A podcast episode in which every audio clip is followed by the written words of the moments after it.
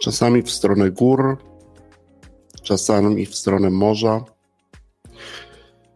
Wciąż w stronę morza, w stronę statków patrzę. Była godzina czwarta. Nie ta obrzasku, tylko ta popołudniowa. Nie w Warszawie, a w Gdyni tym razem. Stałem na ulicy i czekałem, jak zwykle czekałem na taksówkę, na kierowcę. Pewnie już wiecie, że na kolejną swoją historię czekałem. Wiało wtedy niemiłosiernie. Łysą moją nie najmłodszą już głowę wiatr mi przewietrzył. Och, wiatr wokół niej wtedy hulał. Trochę właśnie z jego powodu niespokojnie w tą apkę kilka razy popatrzyłem. Jeszcze sześć, pięć, cztery, trzy, dwie, jedna minuta i jest. Klaps, akcja, ujęcie pierwsze.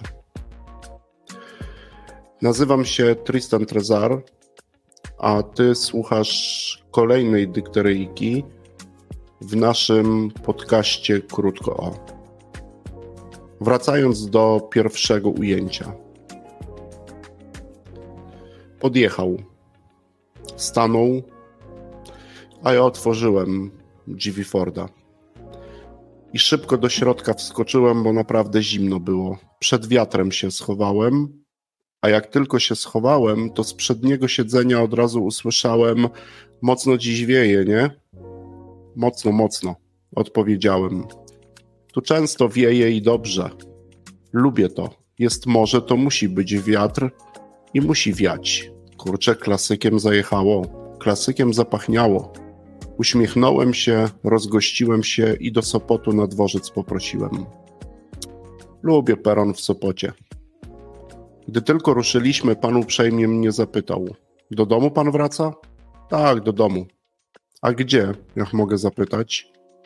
Może pan, może. Do Warszawy, do stolicy wracam. A wie pan, że ja kiedyś też w Warszawie dom miałem? Dom pan miał w Warszawie? Tak, jak dzieciak tam mieszkałem. Dziadkowie i rodzice też tam moi mieszkali. Ale już pan w Warszawie nie mieszka? Nie mieszkam przez Gdynię, Gdański, Sopot. Jak to przez Gdynię, Gdański, Sopot? No tak, przez podróż jedną taką szczególnie. Jedną podróż z rodzicami nad morze. Do ją pamiętam. Lat miałem może wtedy 10, może 11. Na wczasy tu w latach 60. z rodzicami przyjeżdżaliśmy, jak zresztą wiele innych rodzin i dzieci. Codziennie na plażę z parawanem i z leżakami chodziliśmy, a ja z tej plaży to najczęściej port widziałem. I mnie do tego portu, do statków, do zapachu, wilgoci i ryb ciągnęło. No to jak mnie ciągnęło, to się rodzicom wymykałem i tam kilka długich godzin, oj, potrafiłem przesiedzieć. W porcie, tak? Tak, na statki patrzyłem i wtedy jak na nie patrzyłem, to sobie tak myślałem, a pamiętam te chwile dokładnie. Co trzeba zrobić, tak sobie myślałem, by takie statki, te większe i te mniejsze budować.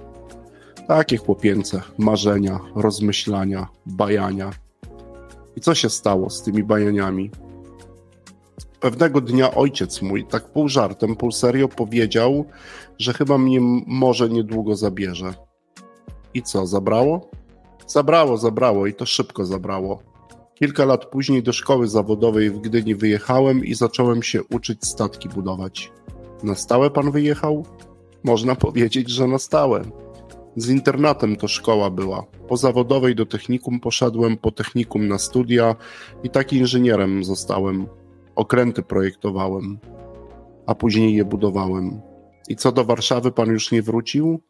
Nie wróciłem. Czyli ojciec rację miał. Miał. Miał, miał. Może mnie zabrało.